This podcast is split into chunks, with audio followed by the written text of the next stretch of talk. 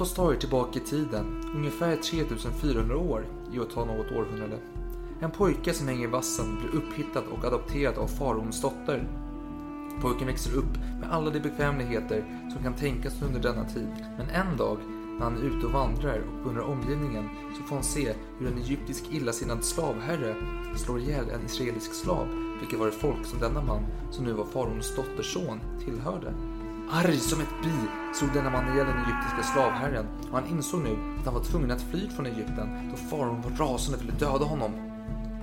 Han begav sig iväg på en vandring modell längre och hamnade efter lite möda vid ett ställe som hette Midjan. De fina silkeskläderna, eller vad han nu hade haft på sig innan, hade bytts ut mot mer slitna skynken som täckte de delar som behövdes täckas för att vara anständig. Han fick sig där en fru och skulle komma att leva ett skönt herdeliv där i ungefär 40 år. Skäggig och jäklig gick han upp för ett berg och en dag så mötte han där en brinnande buske som sa åt honom att han skulle bege sig tillbaka till Egypten för att befria sitt folk. Denna nu skäggiga man, som varit uppvuxen i de högre kretsarna men som avsagt sig sitt liv med överflöd och nu går runt i slitna kläder och predikar om att Egypten ska befria hans folk, för annars kommer tio fasansfulla plågor att drabba dem. För detta har en brinnande buske sagt honom. Hade nog passat perfekt in i vilket anständigt hippiekollektiv som helst i slutet av 1960-talet. Tio plågor senare tar denna man, som nu är runt 80 år gammal, sitt folk och beger sig iväg. De korsar hav och vandrar i öknen. Efter några månader in på vandringen så kan man nog tänka sig att denna man börjar bli lite upprörd. Det är inte ordning och reda! Fan! Folk är lite som de vill. Arg och förtvivlad beger han sig iväg upp på ett berg. Medan han är borta passar folket och mannens bror Aron på att samla in folkets smycken som Aron sedan kan smälta ner och gjuta en gyllene kalv av som de kan tillbe. Medan detta sker är mannen uppe på berget och försöker samtala med sin gud som tidigare hade uppenbarat sig i formen av en brinnande buske. Han får kontakt igen och det blir åska och blixtra som aldrig förr. Och vem vet, de kanske börjar diskutera ett värdegrundsarbete som ska genomsyra hela denna folkliga rörelse.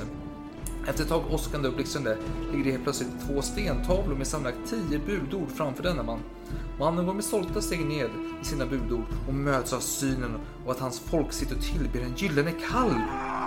Rasande drämmer han ner stentavlan i marken och går fram till kalven och smälter ner den.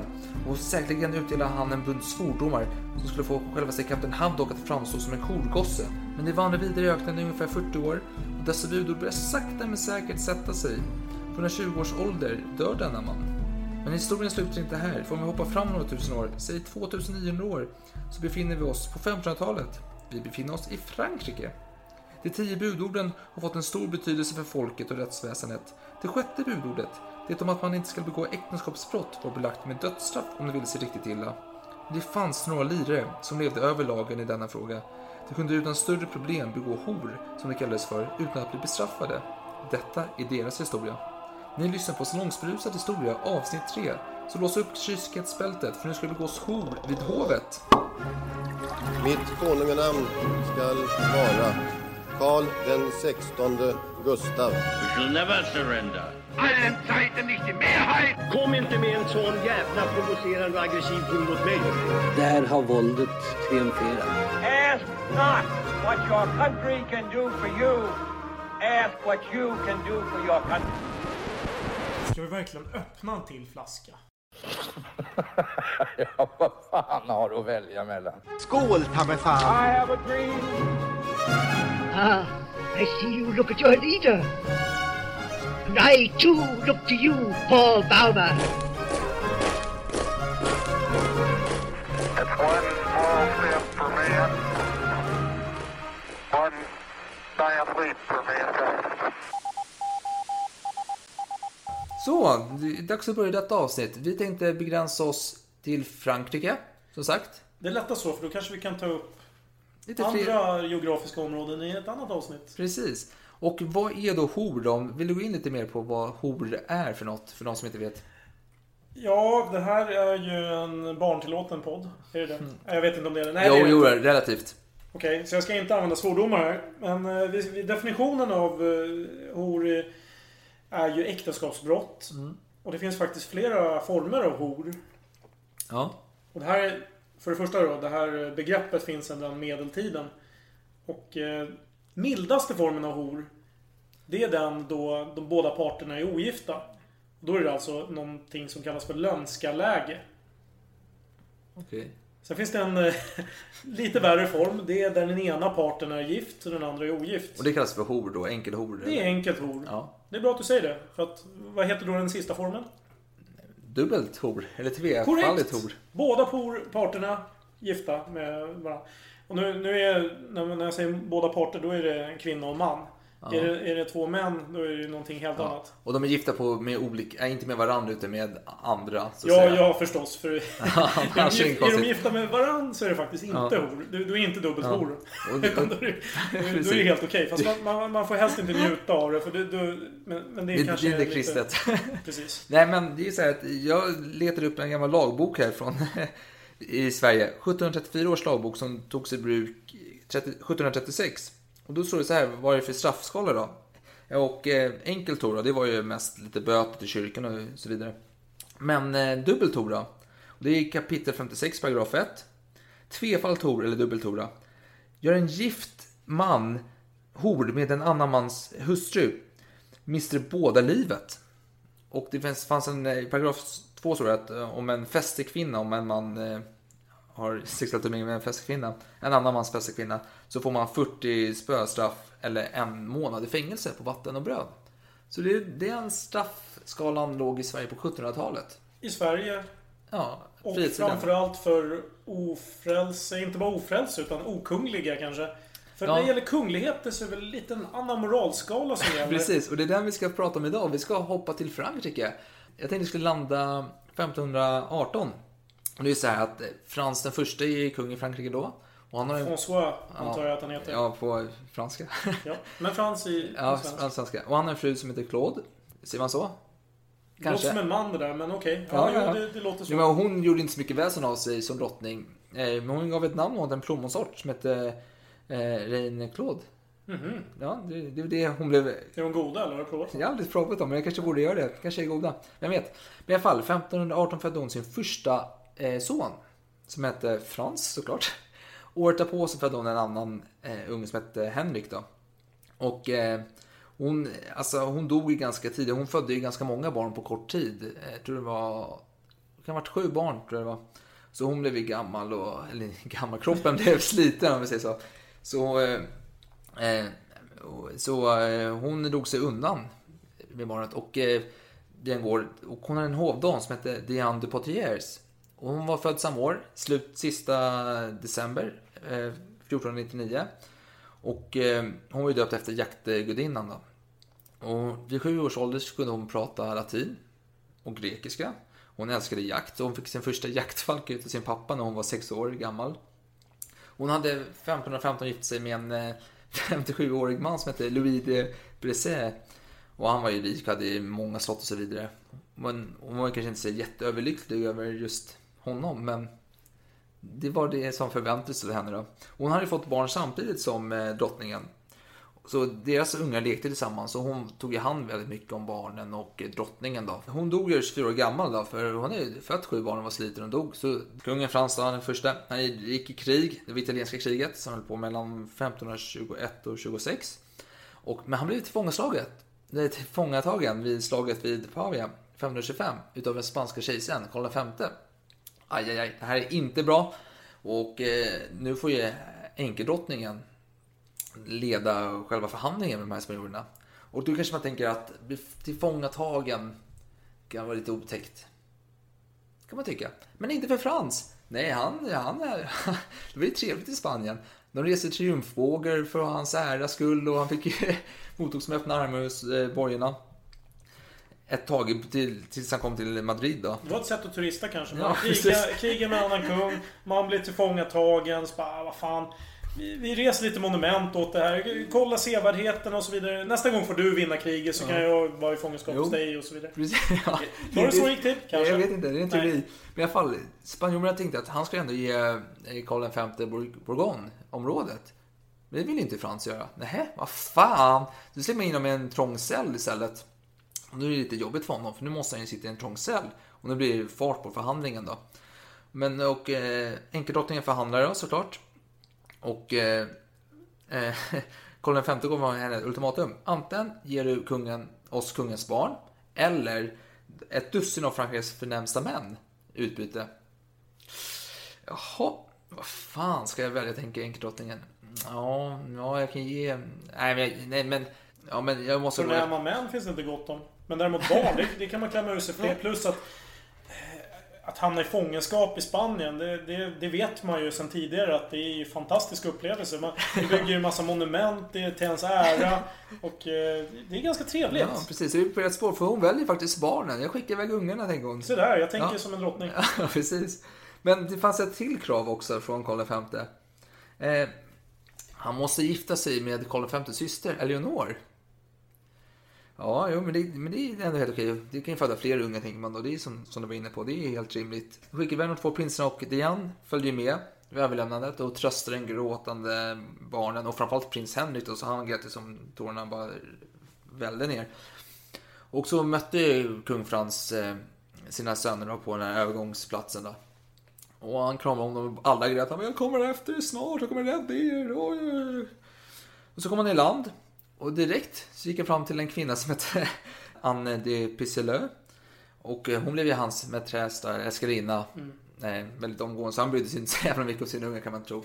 Eh, och eh, de här barnen, de gjorde sig, det var ju trevligt i Spanien som de var inne på. Det var ju trevligt och de fick ju väldigt bra saker. Tills Karl V och Eleonora, hans syster, upptäckte att vänta nu, kungen har en älskarinna där borta, den är Ann, och han är inte alls sugen på att eh, gifta sig med Eleanor. Nej, då slängde man in ungarna i en cell i, och de fick äta saltfisk en bra tid framöver. Men, eh, ja, men sen tog Eleanor, hon tog kontakt med enkeldrottningen då och bara, vi, måste, vi kan ju göra om den här freden på nytt liksom. Vi måste komma överens om någonting. Ni kan få ungarna, ja, vi, vi gör en deal. Det blev drottningarnas fred då. Eh, det var ju 5 juli 1529. Och, eh, och Frans då, han fick ju ge sig. på- Han tog avstånd från Neapel, Flandern och så vidare. Och han skulle gifta sig med den här Eleanor då. Och betala en lösensumma på cirka 4 ton guld för sina små söner. Fyra ton guld! Ja, Det är mycket. det är jäkligt mycket. Och eh, Hur mycket det är i dagens penningvärde, det måste vara enormt. Ja, det vet jag faktiskt. Det är extremt mycket pengar. Men han var ju Fran- Frankrikes kung. Han hade ju mycket pengar, antagligen. Men i alla fall en månad efter frigivningen av ungarna så gifte han sig 1530 med Eleonor. Så det var ju det. Han hade ju fortfarande kvar sin älskarinna såklart, för det hörde ju till. Och ungarna har ju fått, alltså, de var ju ganska besvikna på sin pappa nu. Det var ju inte alls trevlig stämning. Han var ju besviken på dem. Vad fan, vad hade de blivit i Spanien? Ingenting. De var ju inte alls vad han hade förväntat sig. Och eh, de fick eh, Så han skickade iväg dem till Diane de Potiers då, så de fick eh, leka med hennes ungar. Uppväxtas. Och 5 mars 1531 skulle Eleanor äntligen bli drottning i Paris. Så hon gick där på eh, stort, det var en stor ceremoni då, och parad på gatorna. Och detta beskådade ju kungen från ett fönster där han stod och höll om sin älskarinna helt öppet för allmänheten. Franskt eh, sätt, om man säger så. Ja. Europeiskt kanske. Och, eh, och nu börjar eh, Frans sitta, han har ju två barn, han måste ju planera giftermål för dem. Så hans andra son tänkte han, ja men... Jag Börjar kan, närma sig femårsåldern nu. ja, men ungefär. Eh, så jag måste gifta men jag gifta mig med Caterina de Medici. Just det, italiensk eh, väldigt känd släkt. Ja, rik Av- jävel. Och hon hade ju blivit omhändertagen utav påven, då, Leo den tionde. För hennes föräldrar hade ju dött tidigt. Han hade ju förmyndat henne. Och då tänkte jag, men eh, bröllopet ska väl, ja men det blir bra, det är bra i mål här. Och de ska gifta sig när båda blivit 13 år gamla och eh, om allt har gått planerat eh, så ska de ju kunna vara så pass utvecklade att de ska kunna ingå i äktenskap om vi säger så. Eh, och eh, precis innan giftermålet så dog ju Diane de Poitiers man. Han var 70, 72 år gammal så han dog ju. Så hon, var, hon gick i enkekläder då. Hon var 31 år gammal. Så resten av sitt liv gick hon klädd i svarta och vita kläder finast finaste silket såklart men fortfarande, det var det hon gick i. Och eh, vad, kan vi säga om den här Diane de Potiers? Hon har en ganska stor roll här framöver. Hon var 30 år gammal och eh, hon var väldigt vacker enligt dåtida källor. Hon var ju... Och, hon gick ju upp innan tuppen gall eh, på morgonen. Gick och badade eh, och tog ett bad också i en eh, tunna med regnvatten. Eh, Tog en ridtur på tre timmar varje dag oavsett väder. Eh, Hon sminkade sig aldrig. För det var ju, sminket på den tiden var ju kanske inte det mest eh, eh, gynnsamma för hyn om vi säger så. Skånsam för hyn. Nej, det var ju väldigt... eh, Det gjorde ju värre om man säger så. Och Diana, hon var ju som sagt väldigt vacker, men hon var med på bröllopet när Henrik skulle gifta sig med Katarina de Medici. Då var de, hade de blivit 14 år, då, så de var inte 13 än, de var ju 14. Och då hade ju påven då kommit till plats med 13 stycken kardinaler för att eh, se till att detta skedde ordentligt och beskåda själva fullbordandet utav äktenskapet. Eh, det var en 1532 för den som är intresserad av siffror. Och eh, vad hade Henrik på sig på det här bröllopet då? På brö- nu, nu, nu var jag inne i sängkammaren här och tänkte det. Men nej, nej, nej. Bröllopet. Eh, Hovdräkt, jag vet inte fan. 1500-tal, vad hade man då? Ja, något nå pråligt. Jaha. fjäder i hatten kanske. Han hade på sig en dräkt som var full med monogram som var omslingade då, med H och D. Och varför hade han det för? Nu tänker jag på Diane, men det kan ju inte stämma. Det låter ju helt absurt att han skulle... Det stämmer. smäda- Stämmer Han Det stämmer. smädde sin egen fru på bröllopet. Det där... Så, Okej. och, men han har ju varit listig så han har gjort så att D såg ut som ett C, eller kunde tolkas som ett C. Mhm. Så han var ju... Och, och eh, nu tror inte jag personligen att de hade något kötsligt eh, förhållande, Diane och Henrik. Då, men kanske mer platoniskt då. Men han, hans... Trots att hon var så vacker. Ja, i alla fall från hennes sida kanske var platoniskt. Men hans sida kanske var något annat. Men i alla fall. Eh, men han gjorde i alla fall sin plikt inför påven då, med sin eh, fru då, Katarina. Och, eh, och han var ju för det mesta hos eh, Diane då, eh, på dagarna. Men han gick ju in till sin fru för att eh, fullfölja sitt jobb då. Och hon ansågs ju inte vara vacker på sin tid. Hon var ju motsatsen till Diane, eh, Katarina, hans fru då. Kan Och- du beskriva hennes osympatiska Nej, det kan, jag, drag? fakt- nej, det kan Nej. jag faktiskt inte göra för jag tycker inte det är relevant. Jag men, låter bara att dåtida källor säger att hon inte var speciellt vacker. Då. Men eh, hon försökte få barn då. Och eh, jag hade lite svårt med det faktiskt. Det var så att eh, 1536, då dog ju Henrik den, Henriks eh, storbror. François, han dog ju då. Så nu blev ju Henrik eh, kronprins. Och eh, vid årsskiftet 36-37 så vet man att eh, han ingick i ett mer eh, kötsligt förhållande med eh, Diane. Som då var 35 år gammal. Eh, och eh, nu började han klä sig i hennes färg. Han gick ju runt i svart och vitt dygnet runt mer eller mindre. Och eh, monogrammet, den här omslingade HD fanns överallt nu. Det fanns i alla broderier, byggnader, allt som byggdes skulle ha deras monogram i sig då. Alla kungliga byggnader. Men hans fru, vad hände med henne? Men eh, han måste skaffa en kronprins. Det är allvar på riktigt. Hon kan inte sitta och inte bli gravid, hans fru. Hon måste ju fan föda för guds skull. Någon ordning får det vara. Så hon behöver hjälp. Var får hon hjälp ifrån? Munk? Nej, det... ja, han kom lite... Han kom några år, århundraden senare i Sverige. Men ja, Kanske var en förfader. Jag tänkte att det gick i släkten. Ja, jag hade precis. fel. Nej, det hade fel. Hon gick till Diane, för hon skulle hjälpa henne. Och hon gick ju dit och blev så de här ställningarna är fördelaktiga om du skulle bli gravid hit och dit. Och det påstås att eh, Katarina hade ju borrat ett hål i, i våningen över Dians rum. Så hon kunde titta ner när hon hade sex med hennes, ja, Katarinas man då, för att lära sig. Och, men Katarina var ju väldigt svartsjuk så hon gick ju runt där och bara fan. Hon ville kasta syre i ansiktet på den, den andra skönheten. Men hon höll sig faktiskt. Och efter nio år från att de hade gift sig så började hon faktiskt föda lite ungar. Eh, hon, genom år fick hon faktiskt 11 barn. Så som tack för detta så fick ju Diane en gåva på 1550 livre utav Henrik II för att, han hade, för att hon hade hjälpt hans fru att bli gravid. Så det var ju omtänksamt. Tog nio år. Ja, jo, då, precis. Någon annan hade fått sparken innan nio år. Ja, men vad hände då, då med alla de här barnen då? Di- Direkt när de hade fötts tog ju Diane över ansvaret för dem. Hon bestämde ammor, hon ja, kvalitetssäkrade mjölken också. Hur, Hur, gick det? det vet jag faktiskt inte. vet inte riktigt om jag vill veta riktigt. Men... och hon beslöt när det var dags att sluta amma och vilken utbildning hon skulle få. Hon hade hand om hälsan också. Så när det blev någon sjukdom i området så flyttade hon alla ungar till olika slott och sådär. För det, läkekonsten var ju väldigt utvecklad på 1500-talet. Ja, man kan ju Det var, det. var väl tre olika knep man tog till. Ja. Åderlåtning, så var det någon form av lavemang. Ja, det det. Det var Och så var det något-. Ja, och så var det någon tredje... Kommer du ihåg vad den sista? Nej, jag vet inte. De där två är de mest vanliga som man använder sig Jo, utav. kräkning också. Ja, men Det var den tredje. Jo, man framkallar kräkning. Ja, men det är såklart. Det hjälper ju alltid. Det vet jag ju själv. Det kan hjälpa. Det kan det faktiskt. Nej men i vissa fall. Men, Ja. Men 1547 så dog ju pappa kung Frans då och Henrik blev ju kung Henrik den andre. Och han gjorde sig av med... Vive le roi! Precis, han gjorde sig av med alla pappas närmsta älskarinnor och män och så vidare. Och återkallade alla smyck, smycken och sånt där också och gav dem till Diane istället. Och hon fick ju nyckeln in till skattkammaren då, så hon kunde ju ja, förlusta sig med alla smycken hur bra hon ville. Och hon fick även ett slott utav Henrik. Det var ju trevligt. Och eh, hon började odla 150 mullbärsträd för att föda upp silkesmaskar och göra eget silkestyg i området. Och nu var det så här att eh, Henrik sponsrar ju också med att ge 50 ekar. Och, eh, men han måste motivera detta för eh, folket. Hur motiverar han detta Måste då? han det verkligen? Nej, men han kände att det hör till att han måste ändå ge någon form Den av här förklaring. utgiftsposten på extremt många livr måste jag kanske redogöra för folket. Men vad fan, folket har väl ingen insyn i statskassan? Nej, men ändå, han vill ändå ge till adeln och de andra liksom. Men... Adelsmän ska hålla käften. Ja, Ge men, mig men, pengar, men, jag är jag kung. säger, vänta, så här, 50 ekrar. Ekrar är ju kungens träd för guds skull. Okej, någon kanske undrar. Vad fan?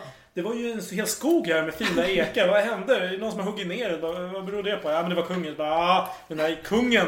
Han får väl förklara sig. Så gick de till slottet Ja. allihop och började kräva svar. Kungen viftade bort dem och sa ah, fan, okej, jag kan väl berätta. Ja. Han är så jävla upprörd. Jag kan väl... Ja, var det så det gick till? Ja, så kanske det var. Ja. Vad sa han då? Jo, men det var ju såklart tack för hennes avlidna mans tjänster för riket. Ja, självklart. Okej, Kanske vi, vi, vi mer- köper det då. Eftersom du är kung så får vi väl lyssna på lite ord. Precis, kanske var med hennes insatser för riket som han hyllade. Men i alla fall. Och efter 90 dagars sorgetid som eh, krävs så blev ju han kung. Så Eh, vi, vi minat där. Alla var svartvitt klädda. Så vi minat, kastade av sig, började köra maskeraddräkter och började spela massa musik. Och... Det kan vi tro. så det gick till? Så kan vi tro att det Ungefär var. Men, löningsdag ja, kanske. precis, men, ja, precis. Men problemet var att den svartvita sorgedräkten blev ju hans skönhetsdräkt. För det var ju en hyllning till Diane och hennes kläder, hennes färger. För hon gick runt i svartvitt nu, för hon gick i sorgedräkt resten Vilket är ironiskt eftersom hon hyllar en annan man som är död och sådär. Men Ja, okej. precis. Visst. Och det var ju såklart, eh, ja, deras monogram var ju överallt och det var pärlor som var formade efter pil och båge. Vet du varför? Ja, kan det bero på att eh, Diana, hon var ju någon slags eh, jaktgudinna i grekisk ja, mytologi? precis. Det Så var ju, det hon, var ju döpt efter en jaktgudinna så därför var ju... För det är någonting du nämnde tidigare Ja, också. precis. Ja, precis. Och när hon fyllde 48 år fick hon en ring utav Henrik med inskriften Jag bönfaller er att alltid minnas den som aldrig har älskat och aldrig kommer att älska någon annan än er. Jag hoppas, min vän, att ni vill bära denna ring av kärlek till mig. Så han var ju riktigt, han var kär och galen här och alla utbyggnader på slott skulle ju ha formen utav ett D helt plötsligt. För att visa sin kärlek till henne. Och han beställde ett porträtt utav henne, eller flera. Rättare sagt, alla var ju nakna, nakenporträtt. Och vad är fördelen med att vara kung? Tänkte jag, 1500-talet. Man, alltså, vad, vad tänker du? Vad är en fördel med att vara kung? Man kan äta sig mätt. Ja, men en annan sak. Det är kul att åka runt och göra intåg i olika städer och bli firad. Eller? Är inte det roligt? Om man blir firad, ja. Ja, han blir firad. Han är kung för guds skull. Vem vill inte fira en kung? Ja, revolutionärerna. Ja, men det här var ju lite senare. Det, 1789. det är fortfarande fem- 1500-tal då fransmän var kungavänliga. Gemene man. Så i alla fall, han åker in till Lyon för guds skull. Det är ju trevligt. Det är ju fest. Och det är ju 1548 då. Och eh, hedersgardet var då klädda i vilka färger då? Vitt. Svart och vitt. Eh, Och svart. Jag skulle ju säga det, men du avbröt mig. Så jag hade rätt. Ja, det, det, det, ja. Fortsätt. Så i alla fall. Eh, och han hänger där i Lyon ett tag. Då. Ett år senare så är fördömet eh, åker iväg, att man kommer tillbaka. Bort är bra med hemmabäst. Så de åker tillbaka till Paris så är det ett nytt eh, stort eh, tåg då för att fira hans intåg. Det var 2000 pager. De var klädda i svart och vitt. Och en triumfbågen hade ett monogram utav HD, alltså ett stort monogram. Med, eh, det- Mm, ja. Inte Holly Davidson alltså. utan- Nej, utan Henrik och Henrik och Diane. Precis. Och Diane, eh, vad var Diane då när det här återtåget skedde i Paris? Hon var kanske i Paris. Ja, hon var där bredvid Henriks fru Katarina. Så det var ju väldigt, jag kan, man kan se framför sig den där sköna, spända stämningen där. Hon stod där i, Diane var klädd i svart och vitt och eh, Katarina var klädd i färgglada kläder. Och... Och alla andra var svart och vitt. Fan, jag som är frun, borde inte jag respekteras lite mer? Ja, Men sen, säg den lycka som var för evigt. För helt plötsligt under en av sina dagliga tre timmars ridturer så faller ju Diana av hästen och bryter benet. Och nu är hon inte alls lika trevlig och umgås med. Kanske lite grinig och kan inte röra sig så mycket och sådär. Och en av kungens rådgivare ser sin chans nu att eh, få bort eh, Diana från eh, kungens gunst. då. Så Varför ville han få bort henne? Men för hon hade ju väldigt stort inflytande. Alltså, och, Det eh, var ett dåligt inflytande. nej men det var så att hen, han var ju rådgivare, så han ville ju ha mer inflytande. Okej, så han höll inte med henne helt enkelt. För om han hållit med henne så hade det inte varit ett problem. Antar jag. Nej men det var så att Henrik skrev under order med hans och Dians namn. och du pratade om vi-form hela tiden. Det var ju vi, inte han, utan som kung. Utan det var vi. Och det var inte han och hans fru, utan det var ju han och Dian. Fast en kung är väl alltid vi? Ja, jo det kan man se det. Men han skrev under, han sa ju vi och han skrev under med Henrik Dian. I, som Ja, underskrev. Glendian. Ja. liksom. Det var sjukt. Alltså, Ja. vad håller han på med? Ja, jo, men det kan man undra. Men i alla fall, så... Men rådgivaren ville då att kungen skulle gå till barnkammaren där hans ungar hängde. För vad fanns där? Johan Janet Fleming. en miss- Ja, och hon var ju guvernant åt Maria Stuart, Mary Stuart av Skottland. Då. Och vad gjorde Maria Stuart av Skottland i Frankrike? Jo, hon skulle ju få sin uppfostran där. För hon skulle ju gifta sig med kung Henriks eh, barn, ena son, den treåriga eh, eh, kronprinsen Frans. Och eh, oj, oj, vad han föll för den här järnet då. Och hon helt plötsligt väntade hans barn. Och hon sa det högt och tydligt för alla. Big mistake om vi säger så.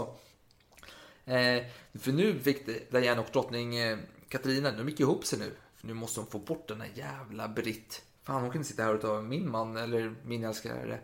Det gick inte för sig. Så de lyckades få bort henne på något konstigt sätt då. Och, eh, ja, och hon födde ju Henriks barn och barnet fick heta Henrik och han godkände ju det. Alltså det var inte så här, han behöver inte ha någon faderskapstest. Han såg ju på honom, det här är min unge. Fan jag tar ju hand om honom, det är lugnt. Det är inga... På vilket sätt tyckte han att det var... Hur gammal var ungen när han bedömde det? Han var- han var- är nyfödd. Man antog, fan du ser, det är en kunglig börd på något sätt. Det är väl Okej. blå, blått blod, fan vet jag. Men, eh, och Henrik, oj, han grät nu, fan förlåt mig till, inte till sin fru utan till Diana. Åh, och hon bara, okej, jag, jag, jag förlåter dig, vi har lite roligt igen då. Okej, ja. Men efter ett tag så blir det krig igen. Helvete, Henrik måste bege sig iväg. Han gör det. Det är dags för turism. Ja, precis. Och nu var ju Diane, hon var ju 16 år nu. Jo, men hon hade ju fullt upp med att ta hand om trädgårdsarbete på några, några av sina slott. Och hon satt och odlade exotiska plantor från USA och badade. Löste korsord. Ja, vem vet, kanske sudoku. Något sånt där trevligt. Satt och drack lite te och jag vet inte vad man gör. Organisera om sin källare. Ja, vinkällare förhoppningsvis då. Eh, Men en fred slöts och Diane var ju med vid förhandlingsbordet. Och nu visar det sig att Henrik var tvungen att gifta bort sin dotter Elisabeth till spanska kungen Filip II för kejsar Karl V hade detta. Oj, oj, oj, och det här måste ju firas. Och hur firar man detta då, fred? Turnerspel, det är ju skitroligt tänkte Henrik. Fan vad roligt! Och 13 juni var det dags, det var en otroligt varm dag. Alltså det var ju riktigt varmt om vi säger så. Och Henrik skulle ju delta. Han bara hoho, fan vad roligt det här är. Han har en häst som heter Malheureux. Som betyder, vadå? Den olyckliga. Ja, eller den arme olyckliga. Eh, Den olyckliga hette hästen, men hästen var inte så jävla olycklig till början. vid- Till början. Den gick ganska bra för sig och kungen vann seger efter seger. Och nu vill ju Diane avsluta. Hon bara, fan nu räcker det. Det är så jävla varmt. Du svettas under den jävla dräkten du har på dig. Nej, vad fan, jag vill fortsätta, säger Henrik där. Eh, han utmanade Gabriel eh, Montmorency, vad han hette. Montmorency. Ja, Ja, men det, är en känd fin släkt. ja, ja eh, De har- skotska gardet eh, var han med. Ja, okej. Men han är ju fransk, eller hur? Ja, ja. Ja. ja. Ja, Du men- pratar om skotska gardet. Ja, men jag har för mig att han var med i skotska. Jag, jag kan det, ha fel. Jo, men det kanske han var. kanske var med i en utländsk ja, ja, men... eh, jag, jag kan ha fel på den där. Nej, nej, jag menar, det är en, det är en känd eh, krigssläkt Ja, i Frankrike. precis. Och första rundan då blev ju oavgjord. Och nu var det spänningen. Henrik gick snabbt tillbaka och tog en ny lans. Och innan motståndaren hunnit ta upp sin lans. Han hade den gamla lansen. Och den var lite trasig. Och nu möts vi i mitten och båda håller på den lanserna. Nu tar varandra. Boom! Precis, och det splitter utav den unga, land, unga mannens lans. Och vad händer i splittret? Det landar i ögat på Henrik andre. Sju centimeter lång eh, bit träflis hade trängt in i ögat ut genom tinningen. Aj, aj, aj, aj, Aj, aj, aj. Och nu låg han sjuk på slottet flera dagar. Han blev träffad igen. Men hans fru förbjöd henne att komma dit. Så de fick inte träffas. Och nu börjar helt plötsligt Katarina kräva tillbaka smycken från Diane. Och hon frågar sig, men vänta, har kungen dött eller? Nej, nej, nej då så. Nu kan vi fan inte lämna tillbaka någonting så länge han lever. Ja, ja. Men eh, kungen dog då den 10 juli 1559 och Diane återlämnade smycken och kronjuvelerna och lämnade Paris. Och nu, och nu Katarina, hon såg en chans. Nu måste hon förstöra alla monogram som fanns på byggnader. Och så hon, försökte, hon förstörde så många som möjligt som hon hann. Säg någonting om det politiska spelet ändå. Att bara, "Nej, så länge han lever då är det faktiskt inte okej att du begär tillbaka det här. Precis. väntar lite några Ja. dagar. Ja. Ja. Så blev det så. Det direkt var väldigt, väldigt tydligt tror jag. Precis. Och många, det finns ju många porträtt av Diane från den här tiden och många historiker säger att de är förskönat henne. Att hon, för hon var ju väldigt gammal när många porträtt gjordes. Och så här att de, men det finns ju en historiker som hon fick besök utav när hon hängde vid sitt slott någonstans där Frankrike 1565 då. Och eh, historikern hette Brantôme och han beskrev henne så här. Jag träffade Diane som vid 70 års ålder Alltså hon var egentligen 65 år här då, men han hade dragit, ja, lagt på fem år. Hon, så, hon såg så gammal ut så det måste vara 70 minst. Alltså, det här kan inte stämma. Men uppgifterna jag fått om att hon är 65, det kan fan inte stämma. Hon ser ut att vara 90, men okej, vi, vi, vi höjer lite grann då i alla fall. Ja, vi säger i alla fall. Var lika vacker och fräsch som vid 30. Så var hon också älskad och uppvaktad av en av de mest betydelsefulla kungarna i världen. Jag träffade denna dam sex månader innan hon dog. Fortfarande vacker, att ett hjärta som inte skulle röras av detta måste vara av sten. Hennes skönhet, hennes kuras, hennes vackra utseende var detsamma som det alltid varit. Jag tror att om denna dam som skulle ha levt i hundra år skulle hon inte åldrats. Varken hennes ansikte som var så välformat eller hennes kropp som goda vanor bibehållit så väl. Det är sorgligt att jord ska täcka en så vacker kropp. Och eh, hon dog ju då eh, 25 april eh, 1565. 65, år- 66 år gammal. Så det var eh, den första... Jag fick ändå intrycket av att det kanske upprikt, det var lite uppriktigt. Men, Att hon var... Jag är ute och cyklar. Ja, nej, men att han tyckte det. Eller, jag Ja, jo, men, jo, men det menar jag. Jag tror, jag tror att eh, man tar ju ofta för givet att eh, människor avmålade var till deras fördel om vi säger så. Det var de nog. Vilket var, men... För det tror- var de så sent som jag... jag jag har hållit på lite grann med släktforskning. Ja. Jag pratade med min morfar bara Fan vad mina släktingar ser ganska snygga ut. Ja, Och då förklarade han det att nej, men man retuscherade alltså, riktiga fotografier. Det gjorde man alltid. Det var, Ja, det var praxis. Det var inget konstigt. Nej. jag, det måste ju ha varit en jo, gammal... men, jo, men jag tror ändå att, eh, att hon kunde varit... Alltså det finns väl vissa människor som ser yngre ut än vad de är. Ja, nu ska vi inte vara så jävla ytliga. Det är ju Nej. subjektivt vad, vad, som är snyggt. Men, Nej men vacker, nej, men, men, men jag, hans uppfattning kanske ändå var att, att Ja, men jag tror att hon såg ung ut och porträtten kanske var ganska troende... Vad säger man? Ja, tro, Alltså, trovärdiga. trovärdiga. Har, har du sett dem? Jag har inte kikat. Jo, då, det finns. Det är bara att googla på uh, Diane de Potiers. Det är Oftast är det en konstnär som, är, konstnär som heter Chloette. Chloé? Chloé, men jag tänker på champagnemärke. Ja, men, Det kanske är samma ja, person ja, som startar ja, champagnehus. Det här är någonting för er att googla. Ja, precis. Men det är googla bilder. Kanske vårt omslag för detta avsnitt kommer att ha han en bild. André? Det, det skulle vara spännande. Det vet jag inte. Nej, troligen inte. Men eh, som sagt, kanske omslaget i det- detta avsnitt kommer att vara en bild på Diane Potiers. Målat utav Chloette. Ja, om det inte är för oanständigt. Ja, det var mycket nakenbilder som tiden. Men ska vi gå vidare till någon annan eh, nästa i ordningen? Vem föreslår du? Alltså jag har lite uppgifter om eh, Henrik den fjärde. Jag Ja, men den första Bourbonkungen. Det är ju såklart Du, spännande. du har ingen, nej, du har ingenting jo, men jag har något ännu bättre. Ja, det är senare kanske. Men det är ingen som kommer emellan Henrik den andra och Henrik den fjärde? Det är Eh, ingenting om Henrik Nej, den det har tredje? jag faktiskt inte. Nej. det, vi, vi kör lite kronologiskt. Jag tror att det kan vara, Ja, det kan vara trevligt. kännas naturligt och trevligt. Ska vi fylla på lite mer vin kanske?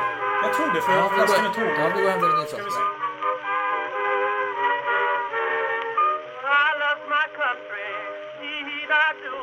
But oh, that war has made me blue.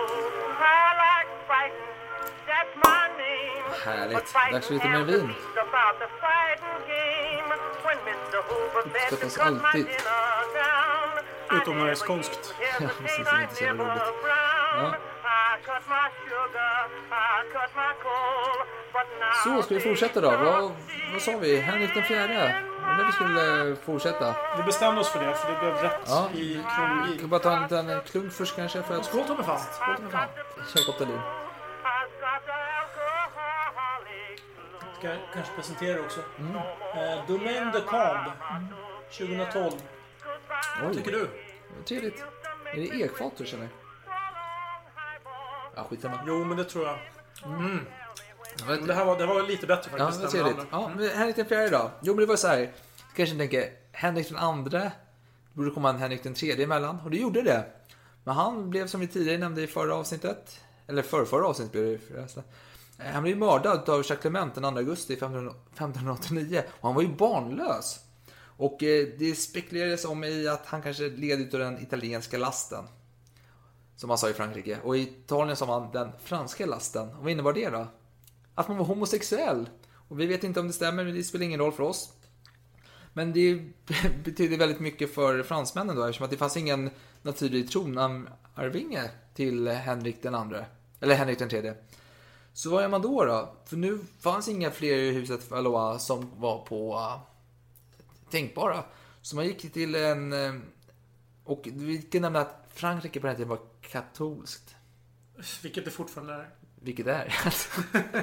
Jävla dum inlägg från min sida. Ja, ja det, det är katolskt och det var, fortfarande, det var katolskt på den tiden också. Varit det länge. Sen, Ja. Säkert sen eh, Karl den stores tid tror jag. Ja, men nu är det plötsligt så tänkte man, det finns en protestantisk herre här från huset Bourbon som funkar.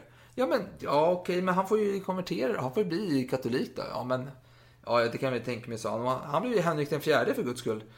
Och, eh, och han blev, Henrik den fjärde var ju den goda kungen, var tilläggstiteln mm. till han. Just det. Han har vuxit upp på hovet och lekt med eh, Henrik andres ungar. Så han kände ju dem väl och sådär. Men eh, nu är det så här, och Henrik fjärde, han var ju inte ogift, han var ju gift. Han hade 17 år tidigare ingått äktenskap med eh, Marguerite. Men för det är ju så här att deras, deras äktenskap var känt utan en anledning. Vet du vad? Mm, nej, hur kan ett äktenskap vara känt? Ja, men alltså, de var för att båda var notoriska vänsterpratslare. Båda, det gick, de gick dubbelhor, eller blir trippelhor, vad blir det? Eh, ja, det beror på vilka de hade, begick hor med. Men tillsammans, då kan de ju begå som mest eh, kvadrupelhor, skulle jag säga. Trippelhor, okej ja. Ja, eftersom det är dubbelhor gånger två. Ja, precis. Ja, ja, ja, precis. Eh, och så, det var ju positivt, för då var- behöver inte vara orolig för att eh, Henrik IV hade den italienska lasten, om man säger så. Han var ju notorisk eh, vänsterplatsare. Och det, han är mest känd för att hans första 37 levnadsår så hade han 37 älskarinnor, enligt här, myten då. Men vi ska inte prata om de här 37 stycken älskarinnorna. skulle vi hålla på hela natten. Det är ganska trist också. Det- Alla kanske inte har en story. Nej, vi fastnar med en, en som kommer efteråt, då, kanske 38, vad vet jag. Gabrielle d'Estrée. Och hennes far var då en avlägsen släkting till Henrik IV. Och eh, hur beskrevs hon utav samtida källor? Jo, så här.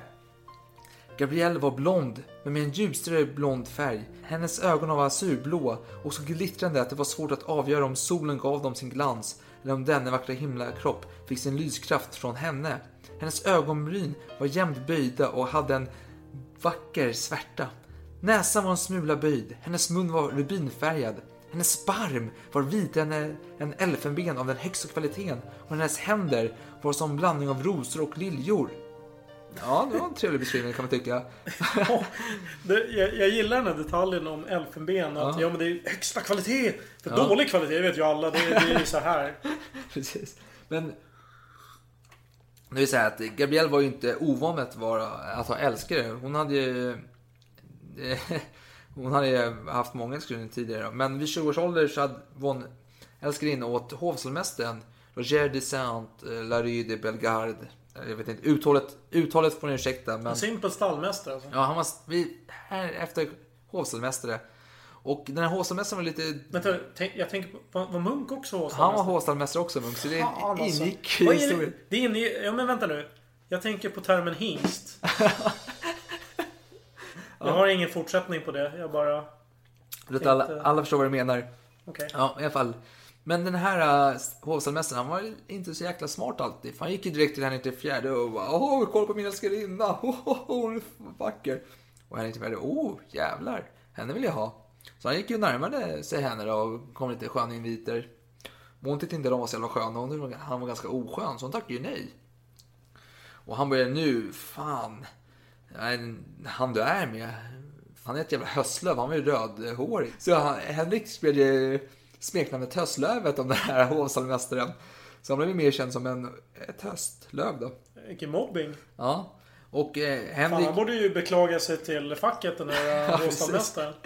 Det är inte bra arbetsförhållanden, sitta och bli hånad. Av sin Det arbetsgivare. det är inte Fan vad är det för stil? Vad har han gjort för något? Ja, han, är, han hade ihop det med kvinnan som Henrik vill ha. Ja, jo, men, men Henrik är ju gift. Ja, jo förvisso, men vad fan. Men, Ja, ja. Det var men lite orättvist, tycker Men jag. Henrik hade inte så tur i kärleken då, förutom att han hade en fru då. Men, han- men han gjorde sköna insatser. som att han är en fru, vad fan. Okej, Ja, ja, ja. Men Han, gjorde, han, han gjorde bra ifrån sig i religionskriget. Och eh, 1591 så fick han ju äntligen chansen att umgås med den här Gabrielle lite mer intimt då. Och hon uppskattade ju en krigarkung plötsligt. Det var lite mer attraktivt att ha en, inte bara en kung som satt hemma i kammaren utan en som var ute och visade att han var en man. För den tiden var man ju en man om du var ute i krig och slogs mot eh, diverse människor. Och efter det intima mötet så tänkte jag, fan hon måste gifta sig! Gabriella måste gifta sig! Jag måste gifta bort henne! Jaha? Och jag måste gifta bort henne någon som inte vill ha henne. Och vem kan jag hitta då då? Ja, ja, ja, men valet föll på en riktigt vidrig herre som hette baron Nicolas. På vilket sätt var han vidrig? Ja, antagligen till yttre misstänker jag. Vem är det som säger att han är vidrig? Det var dåtida källor säger att han är vidrig. Det är intressant. Ja. Eh, men i alla fall, och eh, han gick med på äktenskapet och med, med orden om att han inte skulle fullborda äktenskapet då. Det var ju ett krav på att han skulle gifta sig med henne från kungens sida. Och han fick ju diverse, han fick ju massa jävla pengar och landskap och skit för Vem skulle kontrollera att han inte fullbordade äktenskapet? men hon, hon var väl säkert garant för att Ja. hon sa väl till om han eh, tvingade sig på henne. Ja. Men nu var det problem! Gabrielle hå- håller fortfarande på med det höstlövet. Så nu skickar jag Henrik brev till Gabrielle. Sen skriver han. Bestäm er nu, min härskarinna. För att inte ha mer än tjänare och vara medveten om att höstlövet måste sluta med att vara min medtävlare. För övrigt har han bekänt för mig att han inte är kär i er. Skriver Henrik då till eh, Gabrielle. alltså jag, jag har väldigt svårt när jag hör det här citatet och Ja. inte tänka mig att de, de satt på tu man hand när en intim middag den här, de här två och så bara... Henrik och höstlövet. Och, ja precis, bara Hörru höstlövet. Fan kan inte du säga vad du känner om, om din kvinna? Ja men jag känner ganska bra om henne. Bara, fan ta en till sup. Ah, Kom igen, kan, kan du inte säga någonting negativt? Bara, ja. Och så ledde det till Ja, precis. Ja, Kan det vara så? Det kan ha varit så. Det är fall, sjukt. Men hon, hon, hon hade inte några bekymmer med det här. Hon hoppade eh, väldigt pikt mellan sängarna, mellan höstlövet och kungen. Då. Men hon lovade ju alltid kungen att hon ska sluta träffa det här höstlövet, men han är ju jävligt vacker. Så, så hon gick ju dit i alla fall. Då. Men hon lovade honom. Och en natt med höstlövet så plötsligt så var det en man utanför dörren som lyssnade. Hon kanske hörde hur det stönades eller lät något oljud. Han blev ledsen. Öppna dörren! Bankade hårt som fan på den jävla dörren. Han blev arg plötsligt. Öppna! Innan jag slår in dörrjäveln! Åh, åh, gud, han bankade som fan! Och, och Gabriels kammarjungfru, hon öppnade dörren då till slut då. Men och under tiden så hade ju de fått på sig lite kläder och höstlövet han hoppade genom fönstret. Oh no! och Gabriel... vilken våning bodde de Ja, det vet jag inte, det framgick- går inte. Gabriel grät. Åh, förlåt, men det blev, jag gillar inte honom, jag vill vara med dig, du min älskade, förlåt! Ja, förlåt. Och han, han började pussa henne lite de, gick, de fullbordade det höstlovet påbörjade. Ja, om vi säger så. Ja. Och nu blev ju Gabriel gravid. Och kungen var, vad kul, jag får ett barn. Men tänk om ungjäveln ska vara rödhårig. Helvete! Jag vet inte säkert. Han var ju orolig nu här. Och sen födde hon ju ungen och då... Han var inte rödhårig. Det är min son! Vilken, vilken krigare detta är. Det här kommer bli en bra son. Eh, eh, och, nu, och nu fick ju Henrik för sig att han skulle eh, lösa problemet för alltid. Så de skickade iväg höstlövet långt bort så att han Ja. inte slippa vara orolig. Bara, bara, bara för att stoppa det lite grann. Alltså, bara för att barnet inte är rödhårigt så behöver inte det betyda att det är hans. Men eh, Förstör inte Henriks bild här nu. förlåt. Fortsätt. Ja. Julafton samma år då, 1594, så ogiltig, förklarades eh, Gabriels eh, vad heter det? Äktenskap. äktenskap med baronen då, den äckliga Nikolas. För att han var impotent och inte kunde fullborda äktenskapet. Vem var det som anmälde det? Var det, var det, då- var det hon Nej, eller? Det var ju ömsesidigt säkert. Kungen tyckte att det var dags Bara, jo men eh, förlåt, det är mitt fel. Jag, jag är impotent. Var det så det gick till? Ja, säkert. Och Gabriel flyttade in då i ett hus i direkt anslutning till slottet Louvren, där Henrik bodde då. Och eh, Och eh, det, ovanlighetens skull så ammade eh, Gabriel deras son själv. Och Henrik beskrev detta då i en någon korrespondent, vet inte till vem då. Hennes, hennes vackra berg som var fyllda med mjölk skrev han då. Så det var helt, han var helt fascinerad av detta. Det var inte alls så vanligt. Kul att de bodde på Louvre, men det, på den tiden fanns det kanske inga tavlor där och sådär. Nej, det var ju, det var ju slott, då, det var kungaslott. då. Och sen blev det senare Mm. ett eh, konstnärslya för eh, konstnärer eh, under 1700-talet. Då. Kanske, ja, Och, och så småningom ett konstmuseum. precis. Väldigt känt sådant. Precis. Och där fanns... Eh, Nu, nu, nu idiotförklarar jag våra lyssnare. Men ja, ja, bara, bara för att ge någon jag- form av... Ja, Ja, det skitsamma. är samma Louvre som är konstmuseum idag som var slott på den tiden. Exakt! Ja, så, kan precis. så kan vi det sammanfatta annan det. Nej. Och eh, Henrik då, han erkändes som officiellt och, eh, och ungen fick ju då heta Caesar. Och vad fick Caesar för jobb då utav kungen? Ja, han blev guvernör över Lyon, ungefär 15 månader gammal fick han den titeln då. Eller det ämbetet. Ja, det säger någonting om den staden kanske. Att fan, spädbarn kan ju fan vara guvernör över den här skit. Och många som är föräldrar nu känner igen sig när man får eh, så här, ringer från förskolan och bara fan nu då? Har ungen dött eller vad är det som händer? Löss helvete börjar klia över hela håret då. Så här. Men kungen han var, han, han tog Caesar i famnen och luskammade honom själv och tyckte det var jättemysigt att ha en liten son här då. Eh, och eh, Caesar blir ju, vi kanske kan nämna att han blir 71 år gammal då. Han blir ju ganska gammal den här ungen. Eh, men nu var Gabriel gravid igen. Fan vad roligt tänkte Henrik. Men fan! Tänk, vem är fadern? För vad hade hänt? Jo, höstlövet var ju tillbaka i hovet igen. Henrik hade kallat honom tillbaka. För han tänkte, nu är det lugnt, nu är jag Gabriel för mig själv. Men fan, hon har ju hoppat in i hans sängkammare också. Ja, men, ja, nej men... eh, Du får åka härifrån! Så han skickade iväg höstlövet igen då. Och han fick Jag endast... jag gillar att du kallar dem höstlöv.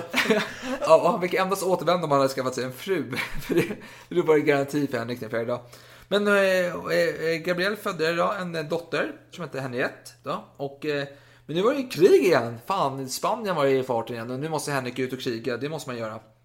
Och han hade ju ett antal älskarinnor ute vid slagfält. Och, eh, så Gabriel åkte ut dit och tältade med honom för att garantera att han inte umgicks med andra kvinnor då, under fältet. Och, eh, och, men medan hon bevakade att eh, Henrik inte hade älskarinnor så hade hon ju själv ihop det med en stallmästare som hette Vallon. men det var en annan femma då. Eh, mm. Och nu blir det en ny fredag och eh, Frank, Frankrike blir ett religiöst tolerant land där katoliker och protestanter är ganska jämlika. Och, men nu händer någonting, för eh, nu får Henrik problem. Inte utav eh, påven Clemens den åttonde utan det är hans eh, privata kungaspira om vi säger så. Jag Drabbas- anar vartåt barkar. Drabbas utav diverse problem då. Media kanske? Ja, och eh, ja, han fick i alla fall... Eh, Nej, det var inte det. och, eh, Ja. den här, och han har blivit, den här sjukdomen har kommit ut av en abbedissa då. Hade jag rätt eller? Jag vet, Nej, fortsätt. en sjukdom i alla fall för hans könsorgan om vi säger så. Du, du hade rätt! Fan också. Jag, Ja, och jag häcklade bara här Ja. och så kom jag... Hade jag rätt? Och det var en abbedissa då som hade varit eh, smittebäraren då.